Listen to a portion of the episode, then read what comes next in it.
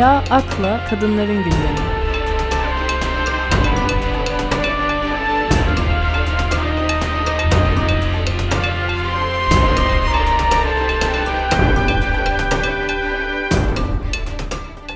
Herkese merhabalar. Çeşitli haber siteleri ve kaynaklarından derlediğim Kadınların Gündemi 10. videosuna hoş geldiniz. Daha önceki kadın gündemi videolarında bahsetmiştim. Kadın gazeteciler erkeklere oranla daha çok taciz ve şiddete uğra uğrarken aynı zamanda kariyer hedeflerine ulaşmakta da daha çok zorluk çekiyorlar. E, gazetecilikte Kadın Koalisyonu'nun yaptığı açıklamaya göre 2020 yılı ile 2021 karşılaştırdıklarında 2021 Ocak-Nisan ayları arasında dünyadaki kadın gazetecilere yönelik vakalarda %130 oranında bir artış olduğuna dikkat çekerken e, kadın gazetecilere en yüksek şiddetin Türkiye'de olduğunu belirtmişler. Ekranlara baktığımızda da e, Kadın Adayları Destekleme Derneği'nin açıklamasına göre konukların %90'ının erkeklerden oluştuğunu görüyoruz. 1 Temmuz 2020 1 Ocak 2021 arasındaki ağırlıklı olarak haber e, odaklı yayın yapan 13 televizyon kanalının e, programlarındaki cinsiyet dağılımını incelemişler ve toplamda 6114 konun 5532'si erkekken 582'sinin kadın olduğunu saptamışlar. Sadece kadınların konuk olduğu programlar ise %2'ye ancak ulaşmış. %77'sine sadece erkekler konuk olarak katılmışlar.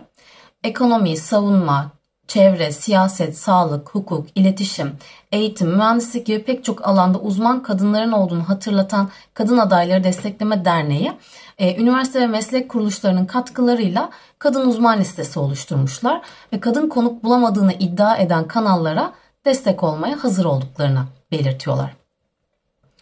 Avrupa Kadın Lobisi İstanbul Sözleşmesi'nin 10. yılını kutlamak için Erkek Şiddetinden Uzak Bir Avrupa'ya Doğru adlı bir rapor yayınladı. Ve bu rapor anlaşmanın e, kadınları ve kız çocuklarını erkek şiddetinden korumadaki önemli rolüne dikkat çekiyor. Bu rapor Avrupa Kadın Lobisi Kadın ve Kız Çocuklarına yönelik e, şiddet gözlemevinin uzman analiziyle geliştirilip erkek şiddetinin endişe verici şekilde artması bağlamında sözleşmenin uygulanma durumunu ve etkisini incelemişler. Bu analiz anlaşmayı imzalayan 23 ülkeye, ülkede elde edilen başarıları detaylandırıyor ve sözleşmenin tedbirindeki olumlu değişiklikleri teşvik etmedeki kilit rolünün altını çiziyor. Bununla birlikte rapor aynı zamanda erkek şiddetini ortadan kaldırmaya yönelik ilerlemeyi engelleyen eşitsizliklere de ışık tutmakta ve bazı Avrupa ülkelerinde görülen İstanbul Sözleşmesi'ne karşı artan siyasi tepkiye ve kadın haklarının gerilemesi konusunda alarm veriyor. Bildiğiniz gibi Türkiye'de 20 Mart tarihinde bir gecede İstanbul Sözleşmesi'nden çekilme kararı alındı. Bu tarihten itibaren kadınlar pek çok hak ihlaliyle karşı karşıya kaldılar. Bu ihlallerin başında da şiddete uğradıkları gerekçesiyle karakollara başvuran kadınların taleplerinin reddedilerek savcılığa ve aile mahkemesine yönlendirilmeleri geliyor. Oysa çekilme kararı alınmasına rağmen bu çekilme durumu resmileşmiş değil. Dolayısıyla sözleşmeye hala hukuken bağlı. Fakat uygulamalar ve uyulması gereken adımlar yok sayılıyor. Öte yandan 6284 sayılı kanun gereği kolluk kuvvetleri yani polis ya da jandarma şiddete karşı her türlü önlemi almak zorunda. Yasanın 8. maddesinde de koruyucu tedbirler kararı için şiddet konusunda delil veya belge aranmayacağı belirtiliyor. Yani koruma kararı delil ya da belge şartı aranmadan çıkarılır. Sonra da olay etkin bir kovuşturma ile incelenir olması gerekiyor. Fakat karakollara başvuran kadınların tedbir kararı almaları fiilen engelleniyor. Sözleşmeden çekilme kararının ardından yaşanan bir diğer somut hak kaybıysa cinsel istismar faillerinin tutuklanmasının istisnalara bırakılması. E, sözleşme kapsamında cinsel istismar faillerinin tutuklu yargılanması sorumluluğu varken e, bu cinsel istismar failleri haklarındaki şikayetlere rağmen karakollardan e, salı veriliyor. Kadının İnsan Hakları Yeni Çözümler Derneği Türkiye'nin İstanbul Sözleşmesi'nden çekildiğini duyurduğu 20 Mart tarihinden itibaren e, olan gelişmeleri kronolojik olarak takip ediyor. Dernek aynı zamanda bu kronolojik derlemede eksik kalınan bir yer olduğu düşünülmesine karşılık destekleri de açık olduğunu belirtiyor ve e, İstanbul Sözleşmesi.org sitesinden gelişmeleri herkesle paylaşıyor. E, 9 Mart 2021 tarihinde kadına yönelik şiddetin sebeplerinin tüm yönleriyle araştırılarak alınması gereken tedbirlerin belirlenmesi amacıyla bir meclis araştırma komisyonu kurulmuştu. Komisyon 21 Nisan'da görev paylaşımı yaptı. Fakat bu görev paylaşımı eşitlik için kadın platformunun önerdiği gibi bilgi ve e, deneyime dayalı liyakat kriterleri çerçevesinde değil, meclisteki partilerin vekil sayısını esas alan bir paylaşım oldu. Eşitlik için e, kadın platformu bu konuyla alakalı iktidar bloğunun kendi kendini seçtiği, katılımcılıktan ve demokratik işleyişten uzak olan bu seçim sonuçları komisyonun iktidar söylemleri dışında herhangi bilgi ve politika üretmeyeceğini bir kez daha gösterdi. Katılımcılıktan ve demokratik işleyişten uzak bir komisyon kadına şiddeti nasıl araştıracak şeklinde tepki gösterdi. Kadın Sığınakları ve Dayanışma Merkezi Kurultayı İstanbul Sözleşmesi'nin sığınaklar ve dayanışma merkezlerine dair getirdiği standartlardan vazgeçmiyoruz diyerek bir sığınak istiyoruz kampanyası başlattı. Kampanyanın metninde kadınların şiddetsiz ve özgür bir dünya kurabilmeleri için mücadele etmeye devam edileceğini ve sığınak hakkının karşılanmasının talep edildiğini e, vurgularken şiddete maruz kalan kadın ve çocuklara ihtiyaca e, ihtiyaçları olan destekleri sağlamanın ve kadına yönelik şiddeti önleyecek mekanizmaları kurmanın merkezi ve yerel yönetimlerin sorumluluğu ve yükümlülüğü olduğunu e, olduğunun altını çizmiş. Mor Çatı 17 Nisan'da kayıp hakları e, pardon hak kayıpları sürerken kadına yönelik şiddetle mücadele çalıştayı düzenledi.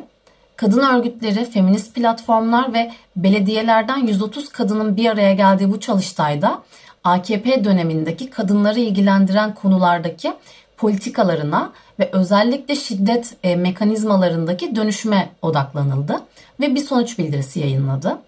Bu bildiride devletin İstanbul Sözleşmesi'ni imzaladığı günden bu yana üzerine düşen yükümlülükleri yerine getirmediğini vurgularken kadın yerine aile odaklı politikaları önceliklendirdiğini ve kadının aile içine e, sıkıştırıldığının altını çizmiş. Hep vurguladığımız gibi kadına şiddet sadece belli ülkelerin sorunu değil, tüm sistemin yarattığı bir sorun. Cinsiyet eşitliği konusunda övgü alan ülkelerden birisi olan İsveç'te son 5 haftada erkekler 6 kadın öldürdü. Erkeklerin öldürdüğü kadınlar 3 farklı kuşaktan kadınlar ve bu, e, bu cinayetlerin ikisi gündüz vakti sokak ortasında işlenmiş. 2020'de de kadınların yakın ilişkide olduğu e, birinden şiddet gördüğü 16.461 e, saldırı vakası bildirilmiş. E, Birleşmiş Milletler Nüfus Fonu'nun 14 Nisan tarihli 2021 Dünya Nüfus e, Durumu raporuna göre gelişmekte olan 57 ülkede kadınların yaklaşık yarısı cinsel ilişkiye girme, doğum kontrol yöntemi kullanma veya sağlık hizmeti alma konularında karar verme hakkına sahip değil.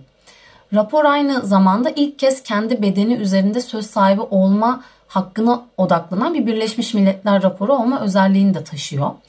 Kendi bedeni üzerinde söz sahibi olma hakkı ne demek?